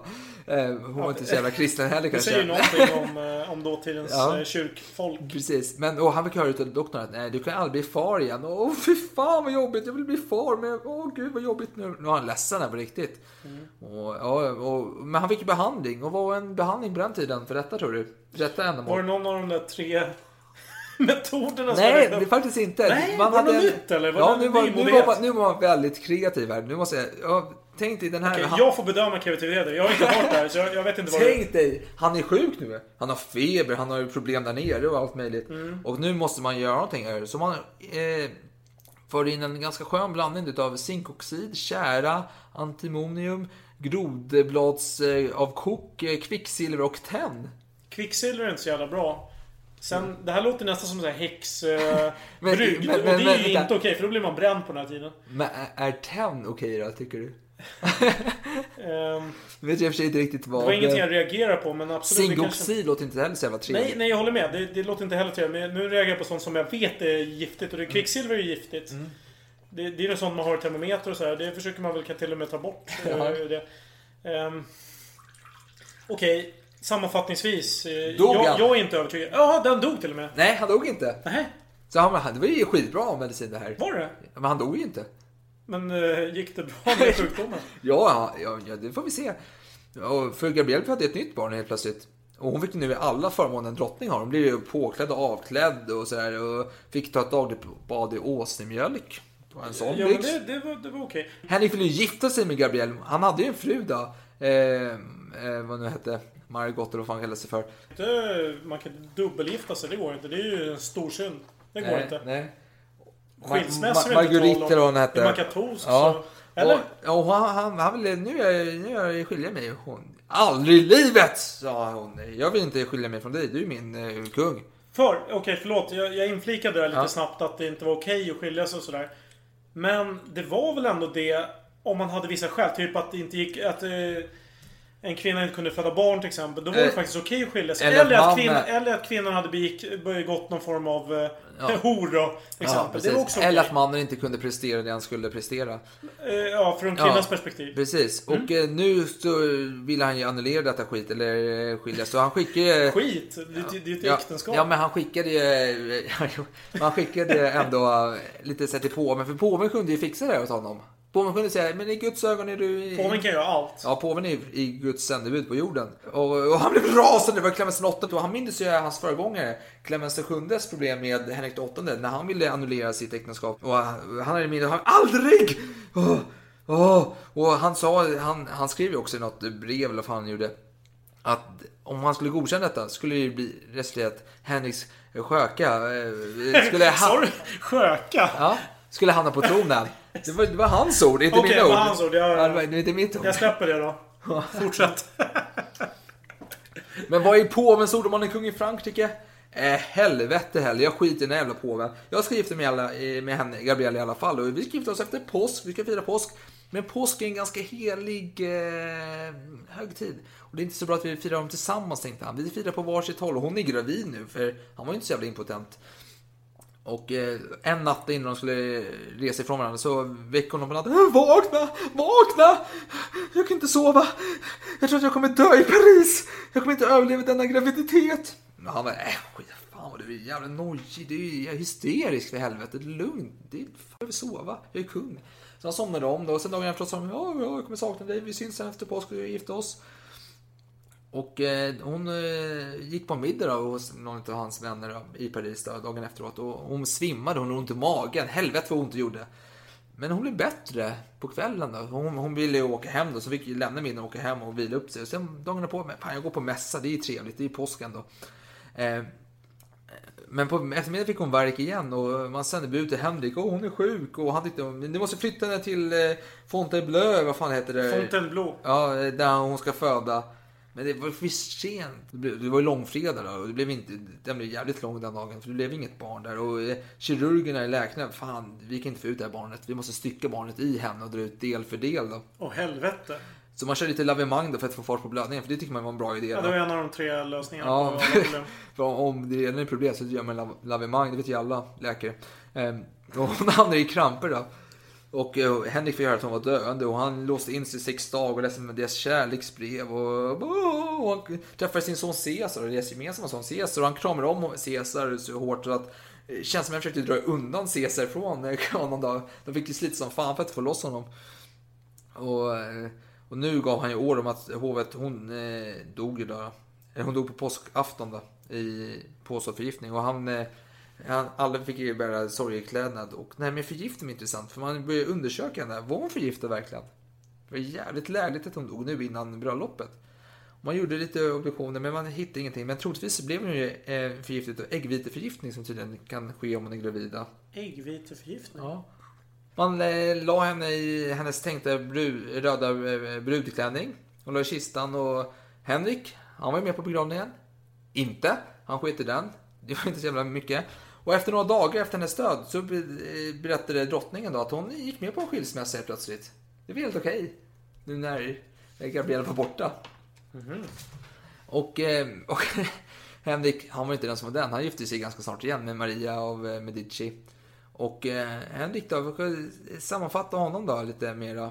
Eh, han fick fem barn tillsammans med henne, den nya frun då. Och eh, sen blev han ju mördad, som alla franska kungar på den tiden, mer eller mindre. Ja, Henry III blev också Ja, mördad. ja Jacques Clement då. Finns Ja, till och med målning. Oljemålning. Jag har själv Ja. sett dem faktiskt. Men han, eh, Hen- Henrik IV blev mördad utav 14 maj 1610 utav, i en, på en gata. Chateau de Blois finns det på. Ja. Och, eh, och det var en katolsk fanatiker då, eh, François Raval, Ravaljac. Och han blev knivhuggen eh, två gånger faktiskt. Så, så kan det gå om man är fransk kung. Det var ju farliga tider på den tiden. Men nu tänkte vi ska gå vidare. Har du någonting att säga om eh, Ludvig den 14 eller? Jag har väldigt mycket att säga om Ludvig XIV. Mm. Eh, kanske framförallt om hur, hur han eh, handskades med kvinnor i hans omgivning. För han... Du får rätta mig lite med fel, men han var ju gift med... Eh, Maria Teresa Ja, av Spanien. Och hon, hon var ju olycklig på så sätt. Hon var ju kär i honom. Mm. Då kan man ju fråga sig, hur kan man vara kär i honom? För han såg väl inte så här jättetrevlig ut om jag... Nej, om man är ytligt lagd Ja, jo. så, så kanske det inte fanns jättemycket att förälska sig i. För eh, om vi ska börja lite och räkna upp hans krämpor. Så, eh, vid 19 års ålder då hade han dysenteri. Ja. Som ledde till att han tappade allt sitt hår och ingenting nytt växte upp. Eh, Så då fick han eh, börja med peruk. Vilket så småningom då ledde till att det blev en, en modetrend. Hela Europas hov. Rimligt. Där någonstans som han träffade Maria Teresa. Det var ett år senare. Egentligen när han var 20 års ålder. Eh, jag- skulle kunna fortsätta och säga att vid 40 års ålder, då blev han tandlös. Eh, han, hade, han skötte inte sin tandhygien helt enkelt. Och det blev Inga, ingen tandtråd där alltså. jag tror inte ens en tandborste. Det var en ganska brutal operation som ledde till att delar av hans gom eh, skars bort också. Vilket ledde faktiskt till att han... eh, eh, Att mat får ut genom näsborrarna när han skrattade och åt. Charmant. Ja, och för, vid 48 års ålder då fick han faktiskt en eh, fistel i eh, baklyktan. Och eh, det var en ganska stor händelse. Inte bara att han överlevde det hela utan det var ju till och med så att man eh, eh, komponerade, eller det, det är lite att förenkla sanningen men det spelades upp eh, klassiska musikstycken bara för att hylla att han eh, klarade sig. Eh, kan man säga. Storslaget. Ja, en, en Tedeum egentligen. Men, Ja. men den hade i och för sig komponerats långt innan. Men den spelades upp då. Och, och blev förknippad med detta då. Så att hans... Ja, det får man Ja, säga. ja, ja, det är trevligt. Och andra krämpor han hade det var gikt, reumatism, dålig mage. Ja. På tal om mage så hade han, visade det sig vid obduktionen senare när han dog, att han hade dubbelt så långa tarmar som en normal människa. Vilket förklarade varför att han, han kunde äta dubbelt så mycket mat som alla andra utan att bli extremt fet. Ja, kuriosa. Super... Bara, bara, bara för att breda ut det här Ja. med Men, vad man kunde tyckas tycka om. ja, men han var då gift då med Marie Teresa. Mm. Teresa, vad säger hon? Marie Therese kanske hon heter. Ja, säkert på spanska Theresia Ja, möjligen. ja, skitsamma. Mm. Men han hade väl några älskarinnor också? Det är det vi pratar om. Det var en understatement. Ja. Ja. Men innan vi går in på älskarinnor kanske vi ska säga någonting om, om den här drottningen. Ja. Det var ju nästan hans första kärlek. Hans första kärlek hette... Ja, eh, hans första kärlek hette Marie Mancini. Mm. Hon var lika gammal, eller ett år yngre kanske, än Ludvig. En ungdomsflört. Syskonbarn till guvernanten till Ludvig XIV, som heter Mazarin. Han var kardinal. Ja. Och, eh, men, men det visade sig att han faktiskt var först förälskad i hennes syster Olympe. Eh, Skitsamma. Det, blev, det blev inte... Jag kan inte säga att det blev fullbordat äktenskap. Man inte med att inte vara gifta. Men det, det blev inget, inget kötsligt umgänge på det sättet. Eh, Och eh, när det sen eh, visade sig att han eh, faktiskt skulle begå, eller... När han sen vigdes med Maria Theresia som var bestämt långt dessförinnan. Då, då bönade han bad eh, kardinalen att Snälla låt mig, låt mig slippa det här och böna och hotade med att förvisa honom och allt möjligt. Men, men så småningom så vek han ner sig och gifte sig med den här Maria Theresia. Ja. Och eh, ja, jag ska inte säga jo, men det blev ganska lyckligt får man väl säga. Eh, Lyckligt med, med Maria eller? Ja, på sätt och vis. Hon var ju djupt förälskad i honom. Ja. Och han... Eh, man ska inte säga att han var... besvarade känslorna riktigt, men han, han fullföljde sin plikt. han, jo. eh, Jo, jo. han, hon, man får väl säga det att hon hade svarta tänder och att hon misskötte också då sin tandhygien. Eh, vilket eh, troligen berodde på att hon eh, föråt sig på choklad och lök och troligen, troligen inte borstade tänderna. Det, det var min källa säger. kombo choklad och lök. Det är Ja... ändå smak för Marabou liksom. att Jag, Testa. menar, jag undrar vilka maträtter som kommer ner. Men jag får tänka, choklad var ju ganska... Jag ska inte säga att det är nytt för jag menar fan, det, nu pratar vi ändå om hundraårsspannar eller någonting Ja. när, när de upptäckte Amerika. Men, ja, hur som helst. Han hade korta ben, lite taxliknande intryck enligt någon källa som jag läst där. Ehm, men som sagt, kungen avslutar ofta natten och det kunde hända alla möjliga saker. Men han, han avslutar ofta med att inom citattecken här, göra sin plikt i drottningens säng. Ja. Vilket så småningom ledde till barn då. Vilket Ja. var väldigt trevligt. Det, det var ju viktigt när man ändå var kung att ha en, ett barn, helst en son. Mm. Men han hade väl, eh, första älskarinnan var väl en eh, Louise? Louise de Lavalière. Just att det skulle vara den första älskarinnan. Det... Eller första, jag vet inte. Jo men det, absolut. Det är ju där i början kan, Ja. kan man säga. Men sen har vi, vi har faktiskt en annan också. Jag ska bara nämna den lite Mm. kort. Vi kommer inte prata om henne så mycket. Henriette av England. Ja, okej. Som var faktiskt lika gammal som Louise de Lavalière. Alltså Ja. runt 17 år. Och det Ja. var år 1661. Ungefär ett år efter att eh, Louis gifte sig då med. Maria Theresia. Och eh, det, det är inte riktigt bekräftat att de var älskande par. Men det roliga är att Henriette av England, hon var då gift med, eh, med hans bror, Ludvig XIVs bror. Ja. Och eh, bron var då troligen, eller ganska säkert, homosexuell. Ja. Eh, jo, och jag ville säga det att eh, Henrietta, hon, är även, hon hade ju även Louise de Lavalière som hovdam. Okej. Och det sades att hon, hennes hov var en plantskola för kungliga mätresser. Ja, ja. Det kommer visa sig lite mer när Ja, vi vad pratar om fler älskarinnor. Men för, men eh, den här Louise, Louise, Louise. Jaha, Louise Ja. de Lavalière ja. Eh, hon var ju Ludvigs älskarinna, men han eh, ville inte visa den offentligt va, förrän...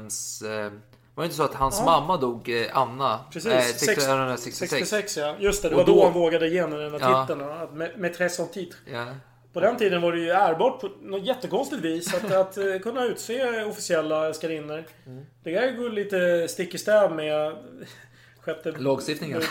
Ja, ja, jo, absolut. Det kommer någon annan, han hade väl fler älskarinnor, så Louise var väl inte så länge på eh, tronen som älskarinna. Nej, det var väl ungefär sex år skulle jag säga. Ja. Vad kom sen då? Ja, det var... Ja, hon kommer ju då förbli eh, officiellt älskarinna fram till 1674. Men, men absolut, parallellt...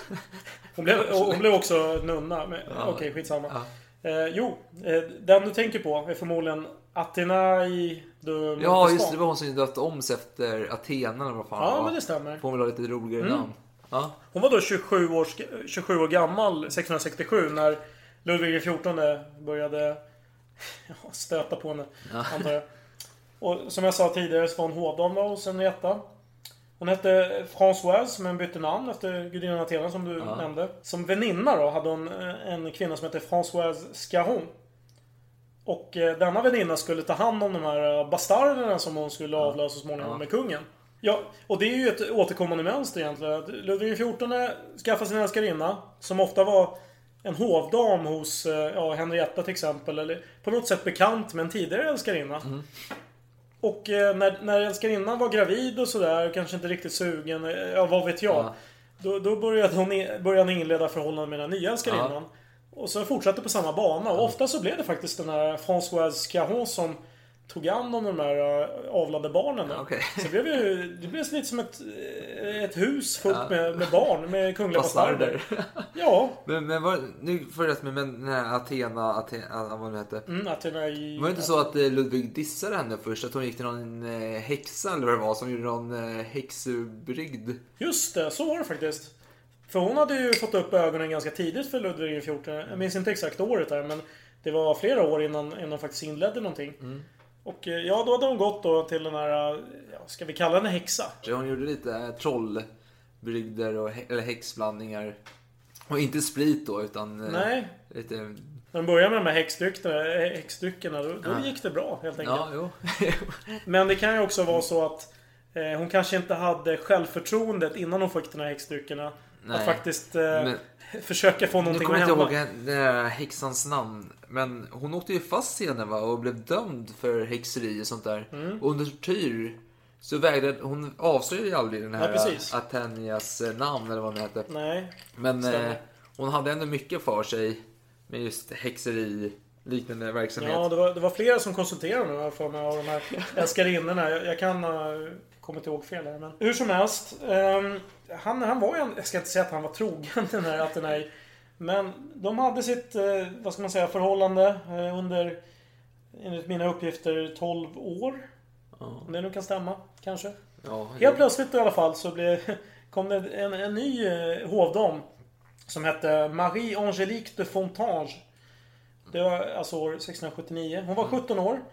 Lite yngre då än Athenais när de inledde sitt förhållande. Ehm, och hon var änglalik sades det. ja just det. Ja, ja, just det. Ja. Mm. Och det, det stämde ju bra med hennes namn och sådär. Eh, och eh, ganska snart så blev hon gravid. Så det var ju bara inom ett år så, så skulle hon föda. Och hon blev extremt sjuklig och det blev ju ett missfall. Hon dog väl ganska direkt efter? Ja, Ja. vi kommer till det. Ja. Eh, hon, hon, blev- hon var väldigt sjuklig i alla fall. Det gick ingen bra med graviditeten. Ludvig började distansera sig. Bara, Vad är det här? Känner jag. Jag vill inte ha sjukliga kvinnor. Det, det går inte. Vilka kompisar, han är så jävla sjuk själv. jävla hycklare. Det är en bra iakttagelse. Han borde fan förstå ändå. Ja, det kan man tycka. Ehm, så att när, när hon kände så här, bara fan Ludvig verkar inte vara så intresserad. Ja, ja det, det här känns inte så bra. Då gjorde hon som många andra älskarinnor till Ludvig och eh, blev nunna. Ja, det är ganska hemskt det ändå. Mm. Alltså själva tidsandan att man Kvinnorna fick gå i kloster efter de har varit älskarinnor. Ja, jag hoppas och tror väl att det var självvant. Äh, Ja, själva. nej, det tror jag tvek, tvivlar. Ja. Det var ganska mycket att de skulle botgöra Ja, synder hit och dit. precis. Att så, så länge de var, hade förhållande med kungen, då var det på något sätt okej. så kungen var Guds nåde. Ja. Men när han inte visade någon, någon nåde längre. Då, då, var det helt, då var det ju bara en syndare. Jo. Bara inom ett år då, efter att hon eh, blev nunna så, så dog hon. ja. I sorg kanske. Kanske. 1681 var det i alla fall. Ja. Och nu har vi då den sista kärleken som jag tänkte nämna. Jag, jag vet Ja. inte, han hade säkert otroligt många älskarinnor som jag Ja, inte ja. har namn på. Hon hette... Det roliga, hon hette ju då Françoise Scarron. Det var ju hon som tog hand om alla de här ungarna. Ja. Och hon var ju hon var ganska nitisk. Hon var ju mån om sitt privatliv. Så hon eh, brände ju ofta korrespondensen mellan henne och kungen. Hon ville absolut inte erkänna att hon eh, syndade med honom. Eh, ja. Men ja, ja, vi kanske kommer till det. Men jag tänkte bara nämna att Mm. eh, eh, kungens fru, drottningen då. Hon, Ja. hon trodde ju att de hade ett platoniskt förhållande. Ja. Och hon gav ju gärna sken av det. Hon Ja. ville ju absolut eh, inte avslöja någonting mer. Så att eh, Maria Theresia kände väl ändå att nu har alla de här älskarinnorna försvunnit, hamnat i onåd eller dött och sådär. Så nu, nu känns det bra igen. Ja. Tänkte hon. Men... Eh, och det är väl lite oklart hur förhållandet såg ut mellan François och Ludvig XIV fram till 1683 när eh, drottningen dog. Ja, För det gjorde hon. ja jo. Ja. Och, eh, men Françoise Scarron ska man inte säga. Hon skiljer sig lite från de tidigare älskarinnorna. Hon var ju mycket äldre. Hon var 42 år gammal när de inledde sin förmodade relation un- ungefär Ja. runt 1679. Det var Ungefär samma år då, som Angelique. Eh, Men i och med att Maria Teresa dog så gifte de sig faktiskt. Men i Ja. hemlighet. Ja. Med Ludvig. Ja. Ja. Så hon är alltså den som tar hand om alla de här bastarderna. Hon var väldigt barnkär. Hon hade inga egna barn. Hon tog hand om, om barnen långt innan de inledde ett förhållande. Men var det inte så att Ludvig sa någon gång, kanske jag minns fel, men att han hade sagt någonting att eh, långt innan alltså han skapade en relation Mm. som man vet om. Att eh, tänk om han har blivit älskad utav henne. Hon vet verkligen hur man älskar eller någonting. För hon hade ju förlorat något eget barn en gång och fått någon Mm. Jaha, form- ja. det visste jag inte. Då hade inte så synd om henne så han tänkte att hon kan verkligen älska. Ingen, ingen kan älska som henne. Tänk om man fick den lyckan att bli älskad. Ja, han, han, han var absolut eh, kär i henne om man säger så. För att på hans dödsbädd så nämnde han till och med henne i väldigt fina ordalag. Jag kan inte komma ihåg vad han sa exakt, men det var väldigt fint. Men var det inte så, förlåt att jag avbryter igen, men var det inte så Mm. när eh, hans fru drottningen dog då? Eh, Att han hade sagt någonting att Åh stackars henne, det är första gången hon eh, ger mig bekymmer. sånt där. Jo, nej men det, det låter bekant. Ja, Ja. nej men det var väl egentligen Men, det. men det vi kan sammanfatta det är att alla hamnar på kloster mer eller mindre. Ja, men- ja, Om de inte dör då innan. ja det, det är känslan jag får utan att kunna summera med statistik. Ja, ja, nej men det är trevligt. Men eh, vad kommer efter Lud- Ludvig den 14 tror du då? Eller vet du kanske? Det är inte så svårt att gissa. Ludvig XV. Precis, och det, jag har lite saker om honom. Jag tänkte skulle avsluta med denna härliga karaktär. Då. Och han, ja, han, fem år gammal var han när han blev kung. Och han var ju alltså Ludvig XIVs barnbarnsbarn. Ja, för vi måste bara avrunda med att säga det att trots alla de här krämporna så överlevde han si- sina barn och sina barnbarn. Det är helt sjukt egentligen. Den här mannen som hade alla de här krämporna, han blev ju 77 år gammal. Han har faktiskt rekordet i Europa åtminstone. Ja. När det gäller eh, regenslängd. Ja, men det är ju... Vi får, se om, vi får se om Elisabeth II slår Ja, det. det är ganska häftigt ändå. Men han var ju föräldralös som sagt då, och det var ju mycket tack vare just åderlåtning som hans Just det. föräldrar hade, alltså Ludvig XV då, hans föräldrar hade dött. Och han fick ju tidigt höra utav sin informator då, eh, de Fleury, att eh, kvinnor var ingenting man skulle hålla på med, mer än sin fru kanske då för just eh, reproduktion då. Eh, och för att motståndet detta var det bön, bön och en bön till som var lämpligt. Men 15 år giftes han med 22-åriga Marie Lesynska som var dotter till en gammal polsk kung då, som var avsatt. Eh, och eh, de var, ja men du vet Ludvig 15, han är en trogen typ. I alla fall sju år var han jävligt trogen. Det var trevligt och hon födde lite barn hit och dit. Och, eh, men när man födde barn är man inte så jävla pigg alltid och det tyckte kungen, jaha det var inte så jävla kul att inte du var så jävla pigg längre. När jag vill komma in i din Det var kammare. det faktiskt. Jag bara såhär, eh, Ludvig XV tänkte som Frank Andersson. ja, vi säger så. Ska du verkligen citera Frank Andersson Nej, jag kan inte citera Frank Andersson. Nej. Nej. vi avstår från det. Men i alla fall, han ville mer än vad eh, hans fru Marie ville. Så hon höll igen täcket lite hårt kring sig. Så han fick ju träffa någon annan då. Eh, och eh, den lyckliga var då en Louis de Ma- Mailly, kanske man säger. Och hon var jämnårig med Ludvig då, den här tiden. Hette hon, hette hon verkligen Louis? För det låter ju som Lud... Alltså, Louise. Som. Ah, Louise! Ah. Louise, förlåt. Louise de Mailly. Och hon var jämnårig med Ludvig då. De var 22 år gamla. Och, eh, men det här var ju alltså Ludvig, han är ju ändå trogen gud. Och I alla fall sin informator i alla fall. Så han där, detta hemligt. Och för sin fru såklart, det skulle vara ganska dålig stämning kanske. Men i alla fall så. Men sen en gång så var han lite berusad, kanske salongsberusad, vem vet. Och eh, helt plötsligt började han skåla för en okänd person. Okej? Det var inte så jävla smart gjort tyckte de andra. Vem fan är denna person du skålar för då? Ja, det, det är ju smart beroende... Då får man bara förklara. Vem är det du skålar för? Men han kunde inte förklara det. Han kunde inte förklara. Nej. Det låter jävligt illa. Och eh, innan, alltså du den här? Louise hade ju varit väldigt eh, smidig. Hon var ju, hon hade ju gått med ett jävla uppdragen kappa och bara gått sig som i mörkret. Hon är sån så här, ja men nästan som Mio med Mio med den här osynliga kappan liksom. Gått runt i slottet där och hållit på och jävlats i sängkammaren med honom. Men, eh, och sen så, eh, ja några av Ludvigs slott då, så hade han ju sett till att han hade haft en tom våning bredvid sin. Som han kunde ha endast han hade nyckeln till då. Så han kunde installera den här Louise då. Så de kunde vara ostörda utan att någon skulle misstänka något då. För det, ja, det var ju så. Men, och den här Louise, hon var lite speciell. För utav eh, ovanlighetens skull så krävde hon ingenting utav kungen. Hon ville inte ha några smycken, hon ville inte ha några eh, nakenporträtt av sig själv från, eh, som kungen hade beställt eller vad fan de gjorde. Hon var ju väldigt eh, sparsam på så sätt. Så, så de brukar beställa nakenporträtt av sig själva? Nej, men kungen nog beställde av dem och så sa. Henrik den andre gjorde ju det bland annat. Men inte det en skymf egentligen? Att inte vilja... Eller jag vet inte hur den tidens...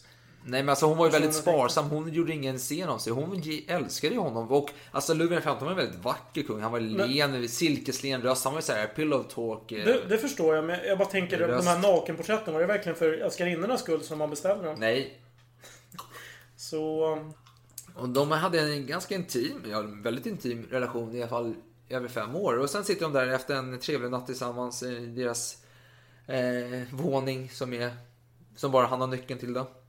Sitter han där, spänner ut axlarna. Åh, gud vad... God morgon älskling. Åh, fy fan. Du, vad sägs? Ska vi gifta bort din syster Pauline kanske? Jaha, tänker hon. Ja, varför inte? Hon, är, hon har ingen man. Nej, vad bra. Då gifter vi bort henne då. Men, eh, ja. Hon var ju två år yngre än eh, Louise då. Och, och det var ju ett problem att vara ogift. För man fick inte bo på Versaillesslottet om man var ogift. Mhm, men det fattade inte Louise då. Hon bara, jaha, det var lite konstigt. Så, um, ja men eh, Lud, eh, Ludvig XV hittade en man där. Ja men fan, jag hittade en, en markis. Han heter Jean Baptiste. Han är jävligt trevlig. Eh, Du, eh, Jean-Baptiste, vad sägs? Du får en skön summa lite eh, om du gifter med henne på låtsas då. Alltså på riktigt din figur, men du får inte göra någonting med henne. Det, är- ja. Tio år? Vad fan? Vad är det Ja, för... och han gick ju med på det, för han, han kallade ju den här Pauline för djävulen i en getabockskropp. Och nu var det så att, uppenbarligen som ni säkert har förstått, vilket jag hoppas ni har gjort, är att Ludvig hade en relation med den här Pauline som var Louise syster. Och ingen var ju direkt vacker på dåtidens eh, ideal, men de, hade, de var lustiga, de var lite skämtsamma och fick Ludvig att skratta och han föll ju för sånt. Han var ju en, eh, en, ja, men han var en upplyst despot. Han gick inte efter utseende, han gick efter personlighet, humor, lite så här trevliga drag. Eh, och sen helt plötsligt eh, fick hon massa smycken utav honom. Och hon var inte den som var den, utan hon gick till sin syster. Titta vad jag har fått. Och nu insåg ju systern, vad helvete. Det här får man inte utan vidare. nej, nej. Det var väldigt tydligt. Och sen plötsligt blev hon gravid också, 1741, och födde en son som heter Charles Emanuel. Och, eh, och hon födde honom den 1 september, så dog hon den 9 där, så det var ju inte så jävla roligt. Så kungen var ju helt tårögd och grät så mycket, och då kom ju såklart eh, Louise och tröstade honom. Det var ju snällt av henne. Eh, och sen var det så här att eh, kungen kände sig ändå lite givmild. Han tänkte, jag har en kompis här. Du, min vän, eh, vad sägs om att du får en lägenhet i Versailles? Fullt utrustad med de senaste eh, nymodigheterna, kök, och lite sånt där trevligt. Men du får inte bo här. Men din fru får gärna vara här hur mycket hon vill. Och den här frun var ju Louise, hans älskarinna då, sen några år tidigare. Så nu hade hon en anledning att bo där utan sin man då. Det var det viktigaste. Men han, han började tröttna på henne, hon var inte så jävla rolig längre. Som, hon fick inte honom att skratta lika mycket som för något år sedan. Så det, han gick vidare och träffade en eh, kvinna som heter Diane. Alltså precis som Henrik Mm. andres fru, samma namn då. Och hon ansåg sig mot att vara vacker. Och vem var hon då? Jo, hon var Louise syster också. Hon var syster nummer tre i denna skara. Och, eh, men hon var inte så jävla rolig visade det sig. Oh, gud vad tråkig hon var tänkte Ludvig. Hon får inte mer skratta. Nej för helvete. Jag vill ha hon, Marie-Anne! Hur fan, hon är ju vackrare än Diane. Diane. Ja, okej. Men eh, vem var den här Marie-Anne? Ja, hon är den yngsta systern i denna familj. Va? Va? Ännu en syster? Ja, ännu en syster, men, men, men hon vill inte.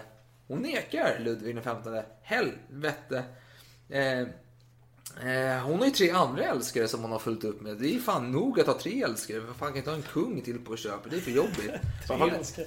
Ja, men sen, men Ludvig, det här var ju fan tråkigt. Eh, så han gick ju till en, en annan kvinna som hette Hortense.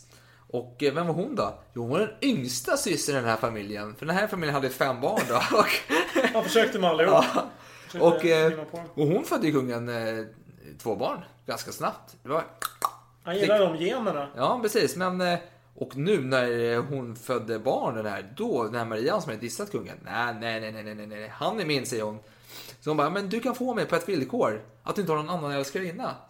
Samt att jag får den offentliga titeln som kungens mätress.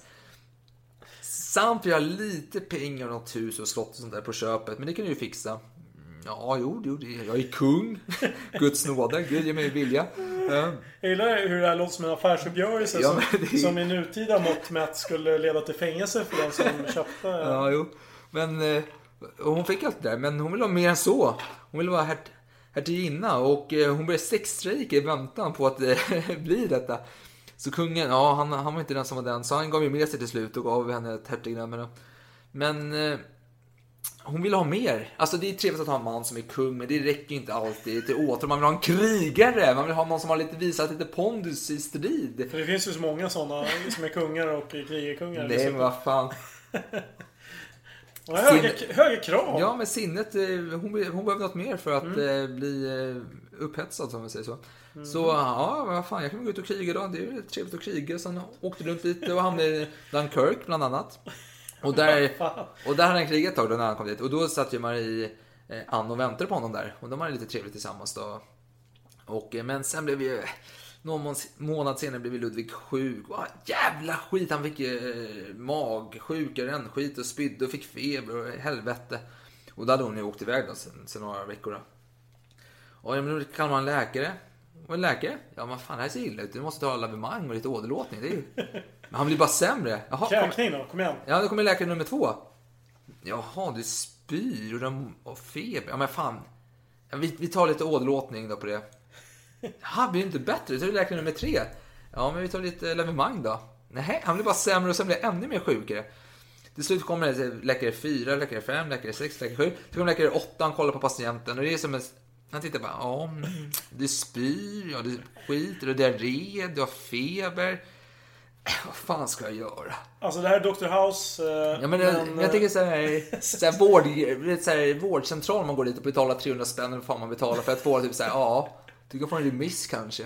Om ens det liksom. Så här, gå hem och vila två veckor. Det är lite den nivån liksom. Ja. Men det räddade hans liv. Visst Va? Vad var det som räddade hans liv egentligen? Vad fick han för något? Var det... nej, läkare nummer åtta som inte gjorde ett skit. Han sket i honom totalt. Han sa såhär, jag, inte, jag har ingen, jag har ingen lösning på det här. Precis. För lavemang och det var inte så jävla bra Så alltid. man säger så här, att inte bota honom med alla de här tre metoderna som var gängse. Mm. Det var bättre än att försöka bota. ja, precis. Det var konstigt, för lavemang har ju funkat i flera år. Tusen är säkert. Det är jättekonstigt här. Men i alla fall, och han blir frisk och då, jävla kul, nu åker jag tillbaka till Paris. Nu har jag krigat, nu har jag min Marie Therese som väntar på mig. Hon har ju sett en krigare komma tillbaka här.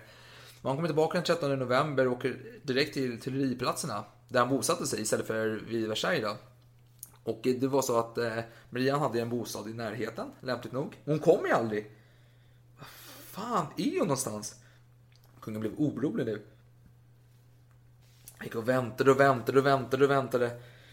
Hon kom ju aldrig. Så han eh, frågade frågade sa, vad fan är hon någonstans?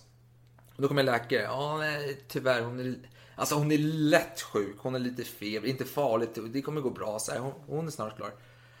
Jaha, men kan inte göra något? Jo, men jag- eh, du är kungen så jag kan ju göra lite extra. Jag kan göra lite lavemang och åderlåtning och tänderna.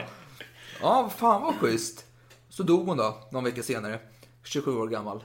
Tack vare just denna åderlåtning och lavemang. Tack för det. Ja, det var sjukt trevligt. Ja, och så sa kungen så här. Han kommenterade den här döden. Jag kommer vara olycklig i 90 år. Och han blev då 64 år och dog i smittkoppor 1774 med annan historia.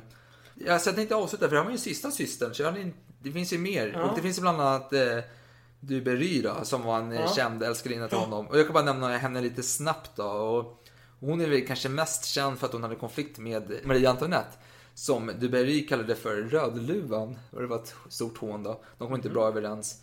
Och eh, hon var ju känd för att under eh, ett x antal år, jag tror det var ungefär fem år, så kostade hon Ludvig den 15 och statskassan 15 miljoner livre. Och hur mycket är det i dagens eh, penningvärde? Då har jag räknat på det. här. Det är 900 miljoner kronor. På Det fem kan- år. Kan, kan det ha varit mer än Marie Antoinette som ändå är den som anklagas för att spendera mest? Ganska mycket mer än så. Och eh, när eh, Ludvig XV dog då, i smittkoppor. 1707, Hon, alltså det kommer säga till Duberrys försvar att hon var ju vid hans sida även fast det var en smittsam sjukdom. Hon var ju där och pussade på honom på ansiktet fast han såg helt vanställd ut. Mm. Eh, men direkt efter döden, hans död, så skickade hans son Ludvig XVI order om att hon skulle skickas till ett kloster. Jaha, det ser man. Men sen så, och Marie Antoinette hade ju klagat till sin mor om den här Duberry och hennes mor var ju, tyckte att Marie Antoinette betedde sig dåligt. Att hon borde fan skärpa sig. Det här är, du bete, behandla inte en annan människa så här.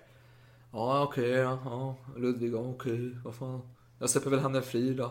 Så hon eh, fick lämna det här klostret och köpa ett slott då. Och hon skaffade en ny man och den här mannen blev ju attackerad i Versailles under revolutionen och fick av, huvudet avhugget, uppsatt på en bål. Och de Berry blev själv avrättad med guillotinen. 8 december eh, 1793. Och anledningen var ju att han hade umgåtts med kungahuset. Och hennes sista ord var. För guds skull, herr bödel. Vänta ett litet ögonblick. Det var allt för oss denna gång. Vi hörs i mm. framtiden. Tack för att ni lyssnade. Tack för att ni lyssnade. Skål! Skål!